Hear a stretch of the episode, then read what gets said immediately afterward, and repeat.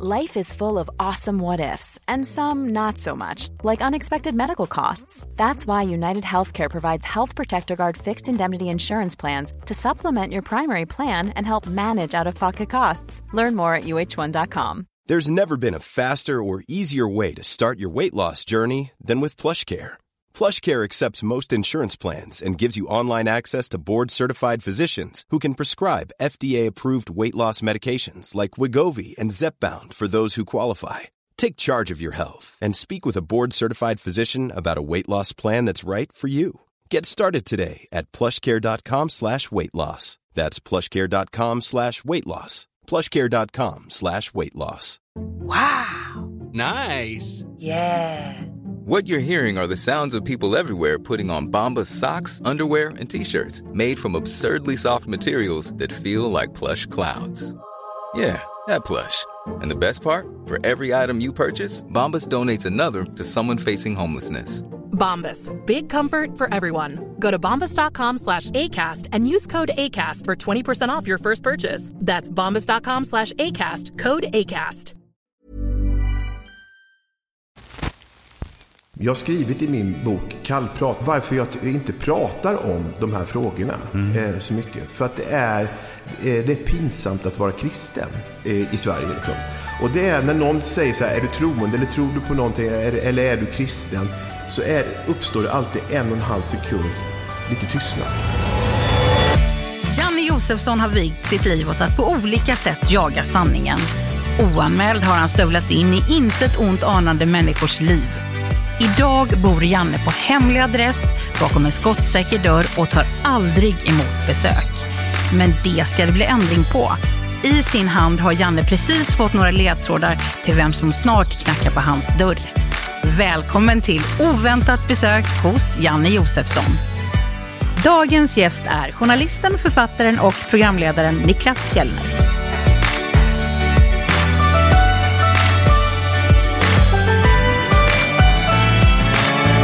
Mitt första möte med Janne, det var att vi, jag fick jobba med honom eh, 2010 eh, på Debatt i Almedalen. Eh, och det var en upplevelse, ska jag säga, faktiskt. För det var som att jag blev någon slags springschas springchas också till honom. Att han sa så här, Niklas, gå, gå fram till den personen och försök få med den i debatt. Jag har varit nominerad till det stora journalistpriset. Oh, det är ju en jävla massa som har varit det. Har deltagit i ett Youtube-klipp med över tre miljoner visningar. Har skrivit tre böcker. Det som är Jannes styrka skulle jag vilja säga, det är att han är ute, han pratar med människor, eh, han får uppslag via det, tycker jag. Att han, att han är en pr- pratande person. Har varit programledare för Karlavagnen också. Där är vi nog lite lika, både han och jag. Eh, jag är inte så duktig på det tekniska, gillar inte att mejla, men jag är betydligt bättre än vad han är. Alltså betydligt. Älskar att sitta på sin balkong och tänka. Ha tummen mitt i handen. Alltså på riktigt. Men det säger man aldrig om en kvinna, det är en man alltså. Man säger inte så, men har du tummen mitt i handen? Det kan man säga om en man, för förväntningarna är att en man ska vara praktisk. Så jag tror att det är en kvinna. Janne ring, har ju ringt på mest dörrar då det kan ha blivit, varit lite obekvämt. Eh, jag har i de flesta fall eh, fått ringa på och där man, det är någonting förväntansfullt och någonting spännande. Pappa var pastor. Pappa var pastor. Det, jag, ja, alltså, eh, besök med Janne. Det, alltså, jag, jag, jag är rädd för många olika saker. Det kan ju lätt, om jag ska vara lite eh, kritisk mot Janne, att man hamnar i anek- anekdoternas värld. Alltså anekdoter som jag har hört flera gånger förut. Han har några anekdoter och berättelser som han gärna kör gång på gång på gång. Spelar både tennis och padel. Har ibland svårt att slappna av och somna. Var det inte Fredrik Belfrage som satt på en krog i Göteborg och så kommer det ko- komma någon anekdot om det? Ja, då får jag säga, den där har jag hört. Är en flitigt anlitad moderator. Ja, ja, ja, jag vet vem det är. Åh gud. Vad är det hon heter? Åh gud, det är hon Elisabeth Höglund. Mitt senaste möte med Janne var att jag blev inbjuden av Uppdrag granskning eh, där jag skulle intervjua reportrarna eh, om deras granskningar och sådär. Men sen i slutet så skulle jag göra en parodi på Uppdrag granskning eh, och liksom på något sätt avslöja deras berättartekniska grepp. Och då så vet jag ett grepp som de, de har använt är ju dold kamera. Så då gjorde vi det på riktigt. Alltså att jag, med dold kamera så konfronterar jag Janne och så kommer han åkandes. Och så står jag där och han blir ju glad och börjar vinka till mig. Och jag går in i den här rollen att jag ska på något sätt säga Vad har du, varför har du inte svarat mig? Och han blir ju väldigt nervös, springer ut till bilen, glömmer att dra, in, ham, äh, dra åt handbromsen. Så bilen börjar rulla. Och jag, bara, jag får ju panik så jag säger Janne, åk, sätt dig i bilen och, och så fick han då pa parkera bilen. Jag är så gott som säker på att det är en man. Nej, men det är inte sant. Jo. Underbart! Oh, herregud. Jag, jag, jag, jag, jag läste om dig i, i, när jag la mig för att sova igår. Gjorde du? Ja, men du var med i någonting. Vad fasen var du med i? Du, eh, du var med i något program, men man fick se dig stå där och... Ja. Herregud, vad jag gillar dig. Ja, det är samma. Ja, det tror jag fan det. Nej, men, du har ju gjort den här fantastiska eh, eh, satiren på mig. Ja, den är ju, Det är senaste gången vi möttes. ja, och den blir ju så lyckad så det var inte klokt. Ja, men du var skraj då. Ja. Ja.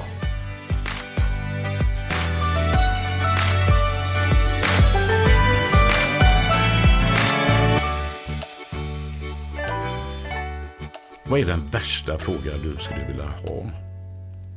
Eller inte ha menar jag. Alltså, en värsta fråga som jag inte skulle vilja ha. Ja. Tänk efter Ja. och så tar vi den sist. Det är väl bra? Ja, Det är en bra dramaturgi i alla ja fall. det är det. Ja. Då, håller man, då håller man folk. Men- Du är väldigt duktig på dramaturgi, måste man säga. Ja, du, gjorde, ju- du gjorde ju en satir eh, Ja. på mig. Den är ju underbar, alltså, tycker jag, även om den är väldigt elak. Ja. Och det ska den ju vara. Ja. Satir ska ju vara elak. Att det, allting handlar liksom bara om eh, dramaturgi. Ja. Just det, det det. Hur ni på något sätt berättar att ni har era dra- dramaturgiska eh, tricks. Mm. Eh, och det är de jag bryter ner och berättar så här gör man ett Uppdrag granskning-reportage. Vid det här läget i reportaget så ställer man alltid frågan här kunde reportaget vara slut. Men det är det inte. Nej, och, det, ja. ja. och man sitter gärna i en bil och man knackar i dörrar och får dörrar slängda i ansiktet och sånt. För berättar man historier så finns eh, dramaturgin eh, eller så finns den inte. Mm. För du kan fördärva en jättebra historia genom att liksom från början berätta alltihopa. Så Ja. folk sitter bara och gäspar i slutet. Mm. Medan du ska ju eskalera i någon bemärkelse. Ja. Men det är klart att det handlar ju om eh, verkligheten här. Man får inte gå över till att det är liksom, eh, det tar överhanden. Nej. Men det har det kanske gjort. Nej men det var det, nej, men det, det, jag tyckte mig då se att ni hade lite ibland fastnat i den där dramaturgin. Att ni, man, det, och det finns ju risken, och det finns ju risken för mig också. När man känner att det här funkade. Och så blir man liksom en parodi på sig själv. Att man har, Men nu har du själv gått in och för TV4 gjort någonting som är typ eh, avslöjande som eh, Uppdrag granskning och sånt här. Hur är det då? Ja, det, var ju, det, var ju spänn, det var ju spännande av två anledningar. Dels att jag plötsligt hade gjort den här driften lite utifrån och så plötsligt så ska man göra något liknande program. Det är ju programmet Fuskarna som jag gjorde i våras för TV4. Och dels att man då själv bara hamnade i de här klassiska att jag sitter i en bil. Eller i en bil och eh, så här, jag är på väg genom ett Sverige fullt av fuskare. och ser allvarlig ut. Ja. Ehm, så, så att, Och vad eh, handlar det om då? Ja, men det handlade, det, vi gjorde tre stycken program. Dels handlade det om skönhetsfusket eh, och sen var det om hundsmuggling och sen var det romansbedragare. De tre grejerna? Ja, de tre grejerna. Som svar på din fråga, det var, det var ju ett nytt landskap för mig att, att gå dit och eh, ibland också lite obekvämt. Det, var, och det gick så snabbt när jag fick det här jobbet så plötsligt så står man på en parkeringsplats och det blir fysiskt. Eh, Det hade jag inte, det var inte jag beredd på. Gillar du den typen av journalistik? För jag ser dig mera som kanske en kulturpersonlighet eller kulturjournalist. Eller? Jo, det är, jo jag, jag, jag kan nog eh, gilla det. Det är framförallt så jag tycker det har varit lite så här, det har varit utmanande och du, du har helt rätt i att jag kanske rör mig mer i det dokumentära där jag liksom är lite mer nyfiken. Vad är det här för miljöer? Eh, men samtidigt så kan jag tycka också att jag Ja, det, det var någonting som väcktes i mig som jag tyckte var att jag, jag skulle nog vilja göra det lite mer, tror jag. Mm, klart Och ska framför jag- allt, kanske också, jag funderar på ibland tonen, alltså att man på något sätt kan, men det är inte alltid lätt alla gånger, liksom, eh, att lite fundera på hur man närmar sig den typen av journalistik. Ja. När du säger att romansbedrägeri, för det, det har jag tänkt på, för det, det är sådana som har tipsat mig, eh, det kan ha varit eh, vakter eller poliser, när man är på Arlanda eller Landvetter så säger de, för folk kommer ju ofta fram och, och snackar med mig sådär, eh, kan du inte göra om det Janne och sådär, och då har flera sagt så här, du ska veta hur många män vi ser stå på Landvetter med en blomsterbukett för Ja. att, eh, eh, att eh, möta en person man har haft kontakt med. Mm. Men pe- den här tjejen kommer aldrig. Nej. Är det sånt det handlar om? Eller? Ja, det handlade om, det var, dels var det ju riktiga solovårare. Ja. Eh, och sen så är, har ju det skapats en marknad på nätet. Ja, Eh, där folk från andra länder sitter och utnyttjar kvinnor. just. Eh, och det som var svårt med det programmet det var ju att det finns en sån skam hos de här människorna som har blivit lurade. Eh, och det var svårt att få dem att träda fram. Jag, jag sa någon gång eh, när jag blev intervjuad om programmet att jag kan ibland förstå de som blir lurade. För de här är ju oerhört skickliga. Alltså det är inte så att de bara direkt går in och försöker lura dem på pengar. Utan de skap, bygger ju relationer. Ja. Och sen vid något läge kommer något litet och sen kommer något mer och sådär. Jag kommer ihåg eh, för inte så länge sedan så är det så får jag, om det är sms tror jag det får, då är det en person jag känner som hör av sig. Eller de utger sig för att vara denna här personen. Som har fastnat på en flygplats i, eh, jag tror det är Ryssland någonstans så här. Och behöver låna pengar av mig, kanske 15-20 tusen och sånt där. Janne och bla bla bla. bla. För du är lite lättlurad, är du inte det? Ja, det kanske är i visst avseende skulle jag nog kunna vara det. För jo, med mig skulle man nog kunna lura vart man vill egentligen. I vissa avseenden, men inte när jag är på jobb tror jag. Nej. Utan där skärper jag mig. Då. Ja. Nej, men jag, ja, fortsätt. Nej, men så, så är det liksom. Så att, eh, men det är ju lite kul, för jag, jag kommer du ihåg när vi träffades första gången? Det var ju när vi skulle göra debatt i Almedalen Ja, just det. 2010. Och du hoppade in och skulle göra, och du gjorde det på det där vanliga sättet att du inte tittar folk i ögonen utan stod och tittade någon annanstans. Och du eh, gick på Carl Bildt och alla möjliga, det stämmer va? Ja. Eh, ja, men eh, nu har du glömt själv, men du har alltid haft en hang-up som du alltid har tagit upp varje gång vi har träffats. Men det gjorde du inte nu. Var det? Det var, det var så här att du var så fascinerad över att jag inte alltid tittade på folk. Förutom en, och det var Carl Bildt. Ja, det var så det var ja. Ja. Och det, var, det, har du all, det kommer du alltid fram Ja, till. det så här. kommer jag aldrig glömma, men det har jag glömt. Ja, det har du glömt. Ja. Nej, men eh, för jag, jag, för jag tror jag frågade dig för att du gjorde ju flera intervjuer då, ungefär som du gör, har gjort i Skavlan och det som du slog igenom med eh, att du står och tittar på någon annan och sånt där. Och det ger ju ett, man tänker det är ju inte möjligt, kan, hur kan man göra så? Det, och det är ju så bra. Men Carl Bildt, gjorde du inte det? Och vad, vad, jag har ställt den frågan, varför, varför gjorde du Nej, inte jag hävdar ju med att det hade med längden att göra och sånt. Men du, du, du, det är på något sätt att där tyckte du att du avslöjade mig. Att jag var rädd för Carl Bildt. Ja. Ja.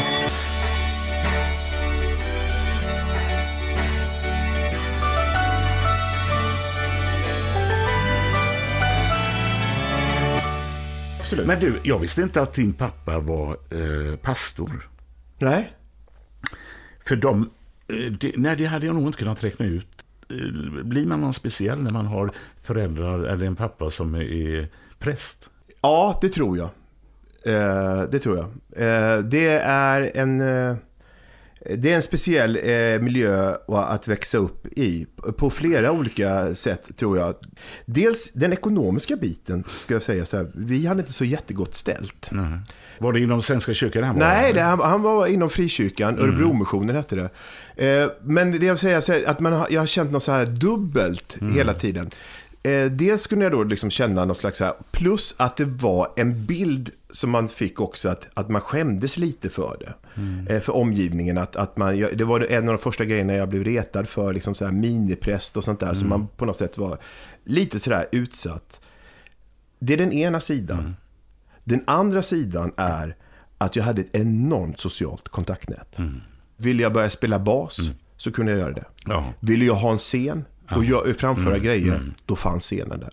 Eh, ville, jag börja, eh, ville jag göra praktik på radion, ja då var det han i Missionskyrkan som var, eh, intervjuade eh, partiledarna, fick jag stå där bredvid. Va?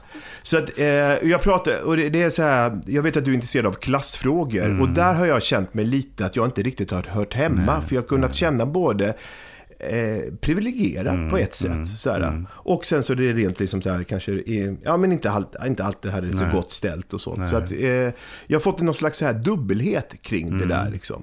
Eh, och eh, likadant så här att man kunde komma så här, vad jobbar din pappa med då? Ja, han är pastor. Och så här, oj, vad konstigt. Och plötsligt så kunde man då, i den här församlingen så var man ju pastor, där jag kunde göra lite vad jag ville. Kunde komma undan med det där. Är du religiös själv?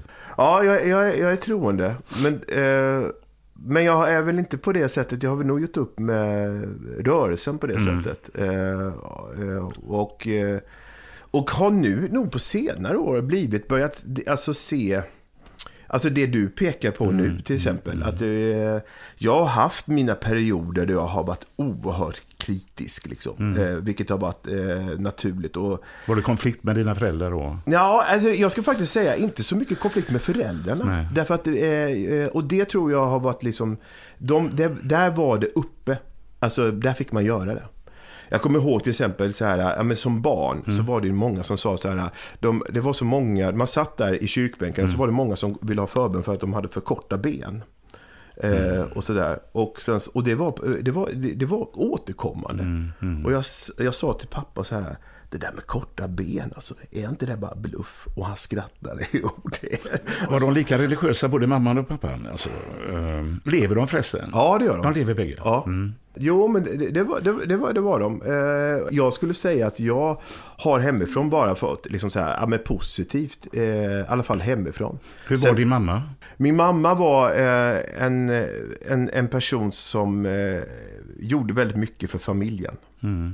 Och gjorde väldigt mycket för mig. Eh, som alltid trodde på mig och sådär. Liksom. Eh, när jag bestämde mig för att gå ut och börja frilansa så, så hade hon fått rikskuponger via jobbet som hon skickade upp till mig. Så här, som jag skulle på något sätt, för att jag skulle klara mig. Eh, så att hon är jag väldigt tacksam för. Hon har alltid stått Ja, men stått upp och hela tiden. Har inte liksom, din pappa gjort det då? Jo, det har han gjort, men, men på ett annat sätt. Hon har ju liksom, eh, jo men det har han gjort, men, men, men, på ett, eh, men hon gjorde det på ett, liksom ett annat sätt. Hon var väldigt, en utgivande person. Är du likadan själv mot dina barn? Eh, nej men inte, inte, inte, inte, på det, inte på det sättet som min mor. Jag önskar att jag vore det liksom. Eh, för det vet ju du Janne, att man, eh, jag, jag försöker verkligen tänka på det, men att man blir väldigt mycket i sitt och det man gör väldigt mycket. Och sådär. Ja.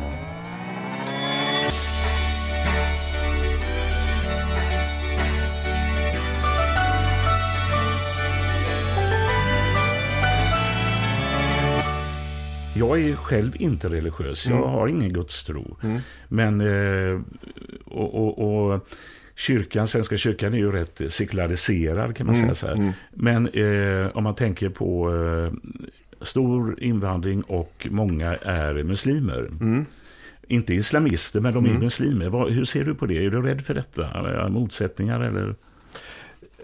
Ja, vilket, vilket bra. Va- vad menar du med att jag är rädd för? Vad menar Nej, du men alltså att, eh, kan det bli problem? Ja, det är klart det kan bli problem. men- Ja, eh, alltså det är det. Men det är ändå intressanta frågor för att jag har skrivit i min bok Kallprat, nu tar jag en liten Mm, omsväng så här, eh, vad som är, eh, varför jag inte pratar om de här frågorna Mm. eh, så mycket. För att det är, det är pinsamt att vara kristen. Har jag skrivit om i, i, i Sverige. Liksom. Och det är när någon säger så här, är du troende eller tror du på någonting eller är du kristen? Så, så, är det, så är, uppstår det alltid en och en halv sekunds lite tystnad. Från den man frågar? Nej, eller? ja, den som frågar. Den som frågar, Ja. mm. Eh, att det blir någonting obekvämt. Mm. Och det växer ut knätofsar på en och det är något som är lite töntigt. Medan i många andra länder så är det liksom naturligt. Man går till kyrkan och sådär. Liksom. Mm, ja, ja. Så vi har ibland saknat det språket, Mm. tror jag. Eh, och det, nu blir det ju väldigt intressant när vi får människor från, som kommer från många delar av världen som har eh, en helt annan uppfattning. Eh, och jag, jag tror att det, det kommer att kräva av oss som Mm. samhälle, dels att vi förs- börja lära oss vad religionen, Ja. vilken betydelse det har för människor. Men också måste vi också tänka på så här, det här är också viktigt. Eh, ja, men yttrandefrihet och, och, Ja, ja, och, och sånt där.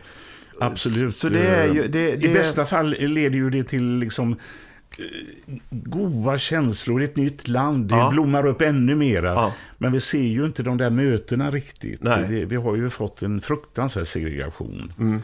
Och, och därför växer ju kanske kulturkrockarna. Mm. Och missförståndet och missförståelsen och alltihopa det Ja. här. Va? Och det är ju ingenting som är, har något gott med sig egentligen. Nej. Men det är, det är väl mötena där som saknas. Ja, det är det. Och jag, jag tänkte nu bara på häromdagen att det inte bara när det gäller liksom, religionsfrågor utan vi blir ju polariserade på väldigt många områden. Ja. Jag har ju också nu hoppat in och fått din roll i Alla mot alla. Eh, Men du är bättre än vad jag är. Ja, ja, jag kan mer. Men jag, kan mer. Men jag, blir, li- jag blir lika utsatt som du, kan man säga, av Ja. dem. Eh, och då så eh, sitter Filip och kallar mig för antivaxare på ett väldigt skämtsamt sätt. Man, kan inte, man kan inte missförstå Mm. Nej. att, att eh, eh, för jag är ju vaccinerad. Eh, men han kallar mig då så, ja, eh, det är väl bara Källner då som inte har vaccinerat sig då liksom. En hel bransch eh, pratar om det här. Och då tror folk att du är Nej, antivaxxare. ja, men då skrattar vi och jag säger något skämt också där jag säger så här att ja, jag har varit ute och demonstrerat. Men det är så uppenbart att det är skämt. Men så fick jag då massa mejl från antivaxare som tycker att det är så stort att jag tar ställning för dem. Va? Du blir hjälte. Ja, jag blev hjälte då. Och jag, jag, det, det slog mig då så här att det, det är en sån där grej som man hade kunnat sitta för många år sedan liksom och, och, och driva med. Det, det fanns en någon slags så samsyn. Men det är det inte på samma sätt idag. Nej, Eh, nej, precis. Eh, Och det, jag tänkte på det där väldigt mycket. Där sitter några ironiska 70-talister. Ja. Mm, Och tänker, ja men det här kan vi skämta om. Vad brinner du för idag? Nej men jag, jag, jag, jag brinner för nyanserna, gör jag. Eh, och det, nu låter jag väldigt flummig, men, men jag, jag, det är det som jag går igång på.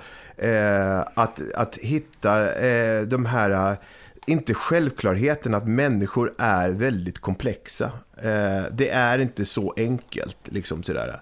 Eh, och det var apropå din, den här fr- frågan så här, som jag sa, att växa upp liksom som pastorsson. Jaha, hur var det? Var det synd om dig? Så här, nej, det var ett oerhört privilegium. Alltså, jag, kunde göra liksom vad jag vill. Alltså, jag var, och samtidigt så var det inte så enkelt med, liksom, med ekonomin. Att någonstans så är det det här dubbelbottnade. Och det, det tycker jag att jag vill på något sätt ta med mig i journalistiken, att, att, att hitta det där, att inte göra allting så enkelt. För det måste vi ibland göra, alltså så här, för att kunna berätta en historia. Eh, men att ta fram det där mångfacetterade, det tycker jag. Liksom. Eh, Och de här människorna som vi lätt ibland kan avfärda och säga, de är si och de är så, till exempel. Jag, menar, jag gjorde det här Arving okänd i många år, till Just exempel. det. Och jag menar, där kunde vi då springa på det, någon berättelse. Det här ma- mannen har gjort så här och så här och så här. Och man kunde tänka, vad är det för, hur kunde den här personen lämna sina barn eh, på det sättet? Men när vi då vecklar ut historien, vi tar ju, eh, histo- eh, alltså tar ju de historiska skedena. Och då blev det lite mer rimligt. Alltså då börjar man förstå en annan människa, varför de gjorde de livsvalen som de gjorde. Att man valde bort sitt barn. Ja, till exempel. Ja, eller ja. varför, varför det blev som det blev. Det- det och, och det, det eh, därför, ja. Jag älskade den serien. Eh, vad var det starkaste exemplet som du var med? Du gjorde ju rätt många. Ja, det gjorde jag. Eh, åh, det starkaste. Jag har precis stått och pratat om en. Eh, det var ju första go- eh, det, det som alltid kommer upp är ju... Och det, det är så många starka berättelser. Det är så. Och det, det är därför jag försökte på lite slarvigt sätt så sammanfatta det. Men det var ju någonstans eh, just det här att det framgick att det fortfarande fanns en saknad hos de allra flesta. Eh, jag, jag tänker på Istvan Tasi som jag, jag träffade i Ungern. Men det var väl kanske för att det var första. Och det var ju sånt där. Vi, när vi började göra det här programmet så visste vi inte riktigt hur ska det här gå det här programmet. Vi ska följa nå, en död person. Man börjar med, du som kan dramaturgi, det, är- det är ju inte det bästa att börja med någon som är död. Och, liksom, och eh, hur ska man berätta den historien? Och de skickar, de, eh, och då ska, var det ju en man då som hade gått bort här i Sverige, som hade lämnat, lämnat efter sig ett arv på 7,5 miljon. Flydde från Ungern 56. Eh, vi visste att han hade en son i Ungern som också hette samma som han, Istvan Tasi. Och Tasi är ett ganska vanligt, det är som Pettersson här i Sverige. Och redaktionen säger här att eh, det kommer att ta tid innan vi hittar den här personen. För nu har vi skrivit brev till myndigheterna och de ska sen i sin tur leta upp honom och skriva Ja. sig ett brev. Eh, men du ska åka och filma nu i november. Ja, men varför ska jag åka och filma nu då? Säger jag. Ja, men vi, vi måste ta upp klippbilder och vi måste åka och ta, liksom, vi göra andra intervjuer. Vi ska, kanske ska berätta om Ungern 56 och sånt här. Vi, Utan vi, att ni har hittat honom? Ja, vi, vi, måste ju berätta ett annat program. Vi har andra delar i programmet. Och eh, vi åker ner dit då. Eh, och det första jag ska göra är att jag ska eh, filma utanför hans hus. Där han eh, eh, flydde från då, 56. Och jag menar, eh, när vi kommer ner dit och så vi filmar vid det här huset så säger min producent, kan du inte gå runt och fråga lite människor här om de minns någon som heter Istvan Tasi? Ja, ja, det är ju så man ska jobba. Exakt. Och det gör jag också. Men jag blir ju trött efter ett tag för att det är ju ingen, det är ju ingen alltså den, som, den äldsta farbrorn jag mötte där flyttade dit 73. Och det var ju folk i min ålder som har Ja, flyttat in där. ja. Men vi står där och pratar och man pratar med människor och sen bara plötsligt så kommer det ut en liten dam. Och undrar vad håller, vi, vad håller ni på med? Och så nämner vi eh, det här och då säger hon, var han gift med den här kvinnan? Och säger eh, ett annat namn. Och då tittar vi i våra papper, ja. Ja men då, då har han ju, då borde ju den här arvingen ha en kusin som bor bara tio minuter bort här. Och då går vi bort till henne, tio minuter, och då säger han, ja men er arvinge bor ju fem minuter bort hit. Nej. Och så bara plötsligt så står jag i hans kök. Och han är där. Han är där.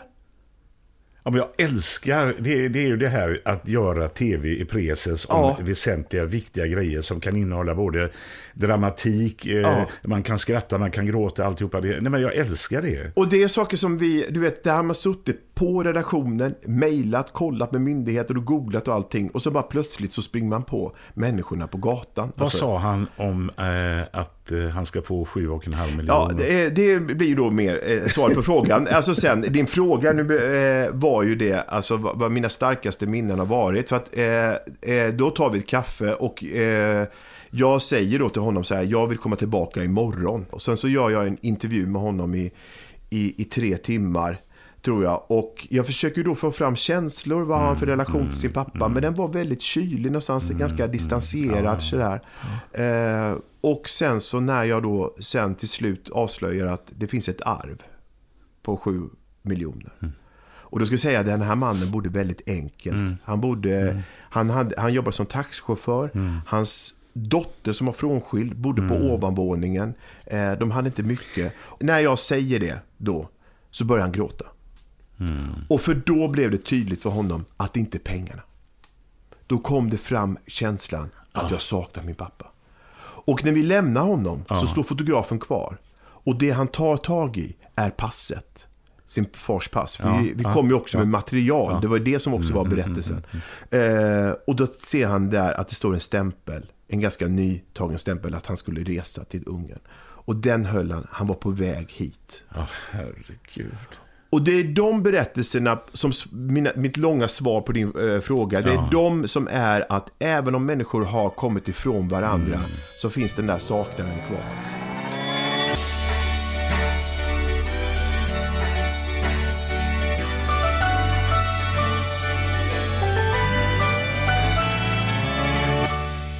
Hur är du själv mot dina barn? Har du två? Ja, två söner. Om jag skulle fråga dem, hur är pappa? Ja, ja men jag, jag tror att de skulle säga, eh, ja du, det, det, ja det får du nästan fråga dem om, höll på att säga. Men vad tror du? Ja, ja, men jag tror att de skulle säga att jag, att jag, jag ger dem väldigt mycket kärlek och att jag hela tiden försöker, hela tiden säga det eh, till dem. Eh, sen, är, sen är det ju utmanande att vara förälder, all- alltid. Och man, man- man gör väl säkert fel eh, någonstans. Men jag försöker hela tiden jag försöker hela tiden också, eh, även alltså att säga, eh, att hela tiden påminna, det här hade jag fel, det var dumt. Alltså, nu, nu blev jag arg i onödan eller sådär. Liksom. Alltså att jag hela tiden... Jag, jag, jag har eh, två frågor som jag har fått av en god vän. Som eh, jag har bestämt mig för att jag ska ställa till alla. Och det ena är, när du är fem, sex år sådär som barn. Kan du komma ihåg den känslan när du kände dig lycklig som fem sexåring Alltså, hur, var det någon händelse? Var det någon speciell till, tillstånd? Vad, vad hände där? När jag var fem sex år. Ja, kommer du ihåg det? Ja, men det är liksom, det är liksom någon slags så här trygghet hos min farmor och farfar. Liksom. Åk, när jag åkte hölass någonstans. Jag vet inte vad det säger. De var bönder alltså? Ja, de var bönder. Kommer från en bondefamilj mm. på det sättet. Farmor och farfar var bönder och mormor och morfar var också bönder. Låg du i hölasset? Då, ja, då låg jag i hö hölasset och, och, och, fick vara med där. Eh, det, var, det var sånt där fint minne. Och, och så min mamma som, som var dagmamma då mm. eh, på den tiden. Och eh, på det sättet väldigt närvarande. Och vi hade dagbarn som, som jag umgicks väldigt mycket med. Och vi sprang. Jag kan nästan se det framför mig när ja. du åker den här. Ja. Vad gör dig lycklig på samma sätt idag? Nej, framför allt så är det, eh, det, men det som gör mig riktigt lycklig, mm. det är ju, det är ju min, min son har börjat spela mycket gitarr. Uh, och när han, när han kallar ner mig för att visa någonting, mm. så uh, den här utvecklingen han har gjort, då känner jag mig väldigt lycklig. Hur gammal alltså, är han? Han är 15. Och det han säger, då han liksom på något sätt vill visa upp någonting. Mm. Uh, eller när han skickar mig något klipp mm. eh, där han har gjort en, en utveckling. Då blir jag väldigt varm. Liksom så eh, jag har ju tre söner och min yngsta Leon är 18 nu. Mm. Men han spelar ju också, han spelar jazz. Mm. Och jag hade ju när jag hade min eh, bokrelease eh, för ett tag sedan här så eh, är han uppe på scen och står och spelar. Alltså, mm. vad du vet. Ja. Det är så starkt. Och just det här med musik. För jag är ingen musiker. Jag gillar, mm. älskar musik. Men mm. jag, jag, kan inte spela gitarr eller mm. någonting. Då. Och just eh, när sonen visar upp pappa, kolla nu har jag gjort ja. det här och sånt där. Det finns inget bättre. Alltså. Nej, jag, jag, jag, var med, han fick uppträda på eh, sin mammas jobb med sin mm. kompis, mm. klasskompis. Och de hade övat. Ja, det var starkt. Det står inte mycket om dig i eh, pressen om de här privata grejerna. Mm. Det, det, det, är väldigt lite. Varför? Ja. Eh, det, det, det, är sant. Jag har, eh, jag har hållit, eh, jag fick den frågan ganska nyligen också i en podd. Sådär, eh, jag har nog varit lite obekväm med det. Liksom. Mm. Dels, dels har jag nog haft det lite också som en, en slags journalistisk idé. Att jag liksom inte, jag har aldrig varit ute och vevat på Twitter. Jag har aldrig liksom varit den som har eh, velat ha massa åsikter, även om jag har väldigt mycket åsikter. Mm. Eh, du och jag, skulle vi stänga av här så skulle jag gå igång direkt. va? På vad då? Ja, på allt möjligt. Eh, samhället och så här och dis diskutera. Mm. Eh, men, men jag vill också att jag, för det är så lätt att man får så föreställningar mm. om mm. en journalist. Och jag vill på något sätt att när folk möter mig så ska inte de känna eh, sig bedömda eller på något Nej. sätt ha någon föreställning av mig. Liksom. Kan du förstå vad jag menar? Lite? Jo, jo, det är klart. Men det är ju väldigt överlagt då.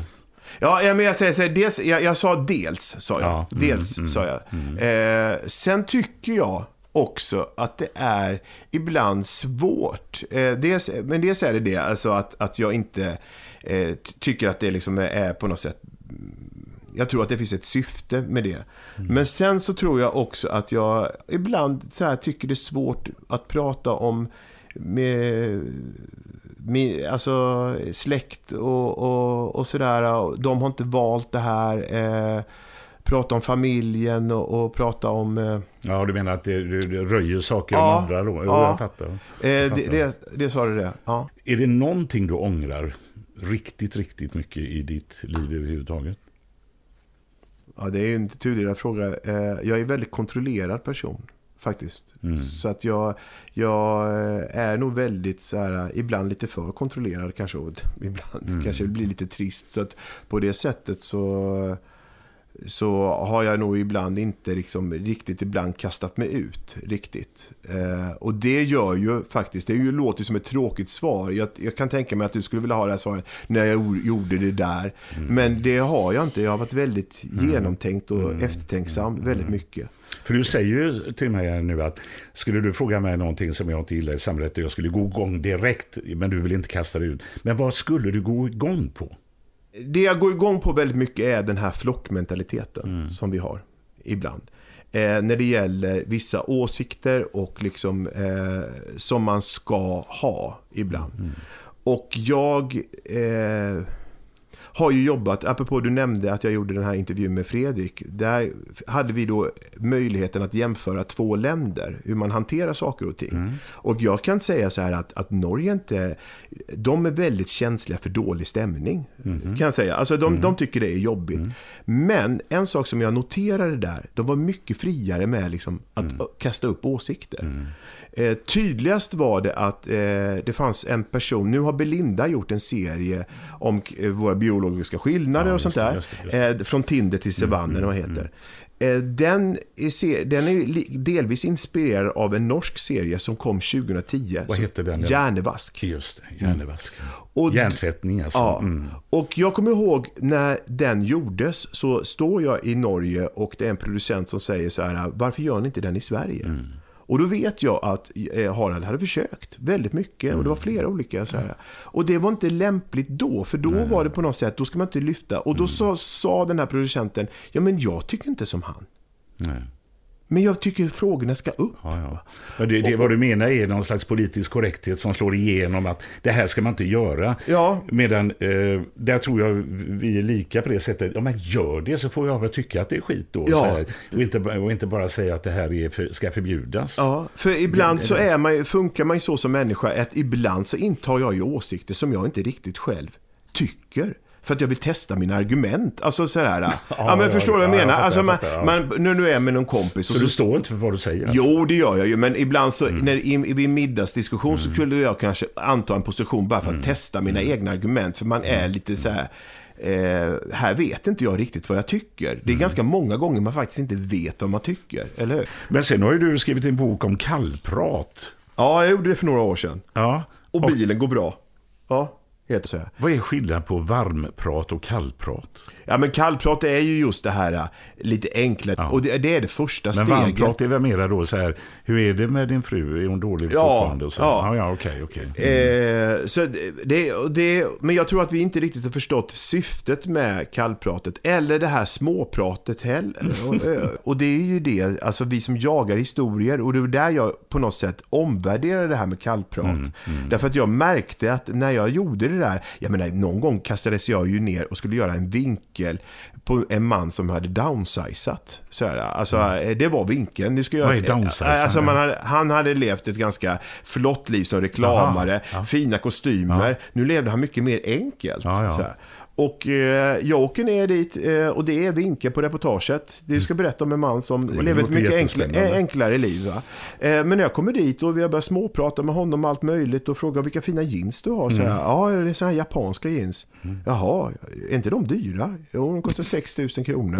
och så tittar jag lite vid sidan om så här, Ja. men oj, oj, oj, vilken dyr cykel du har, Ja, allt möjligt. ja. Då förstår jag att nej, det här är inte någon som har downsizat. Det här är någon som har ålderskris istället. Så då, då ändrade vi vinkeln på reportaget istället. Det, det, alltså det är ju det som man får... Ja. Precis, absolut. Du, Ja. sista frågan ja. kom vi överens om. Vad är den värsta fråga du absolut inte vill ha om mig? Och det ska bli den sista frågan. Och den är kommen nu.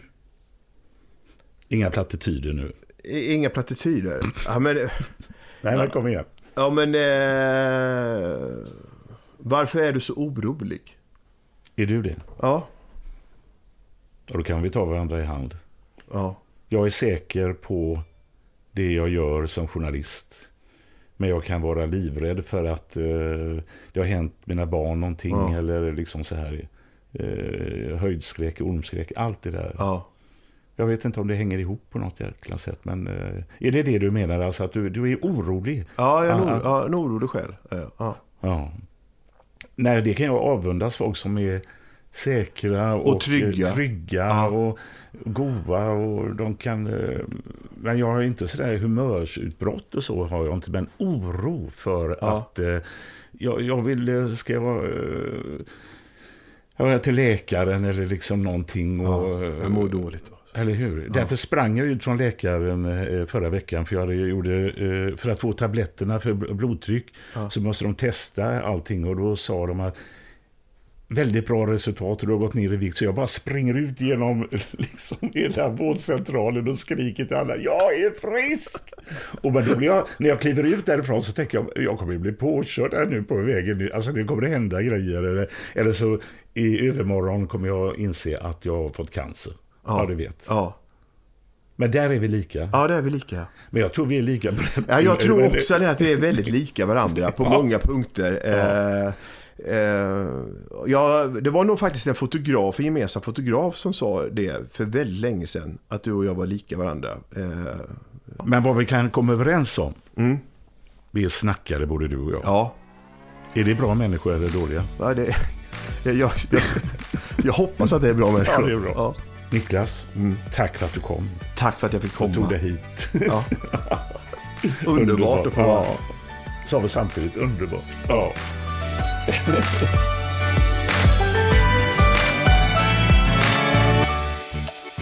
ja. Man blir ju ändå intervjuad av Janne Josefsson. Man, man känner ju det någonstans. Att det, är liksom, det, det är bara rakt på. Alltså. Det finns någonting sådär att man gillar att sitta och prata och dra historier och sådär. Eh, det känns som att han har väldigt lätt i gråten. Eh, det såg jag några gånger att det hände väldigt mycket eh, hos honom. Det känns som att han är på en plats där han reflekterar väldigt mycket över saker och ting. Han blir väldigt känslomässig när vi börjar prata om våra barn och sådär. Ja, alltså jag, eh, det är jag övertygad om att vi kommer att träffas igen. Eh, eller eh, försöka hitta tillfällen då vi gör det. Jag, jag, jag tycker det alltid är så kul att träffa honom. Jag blev väldigt, väldigt positivt överraskad. Jag eh, gillar honom väldigt mycket. Och vi är nog rätt lika på något sätt. Vi gillar samma saker, kanske samma ideal i någon bemärkelse. Och det tror jag blir ännu mer tydligt nu när man sitter här. Så att eh, det är en riktigt begåvad person. Känsla, man fick en bild av honom, hur han är och han är som jag, du vet, drar historier. Så vi älskar historier liksom.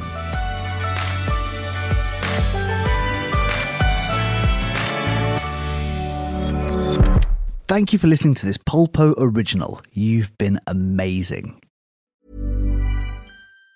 Even on a budget, quality is non-negotiable. That's why Quince is the place to score high-end essentials at 50 to 80% less than similar brands. Get your hands on buttery soft cashmere sweaters from just 60 bucks, Italian leather jackets, and so much more.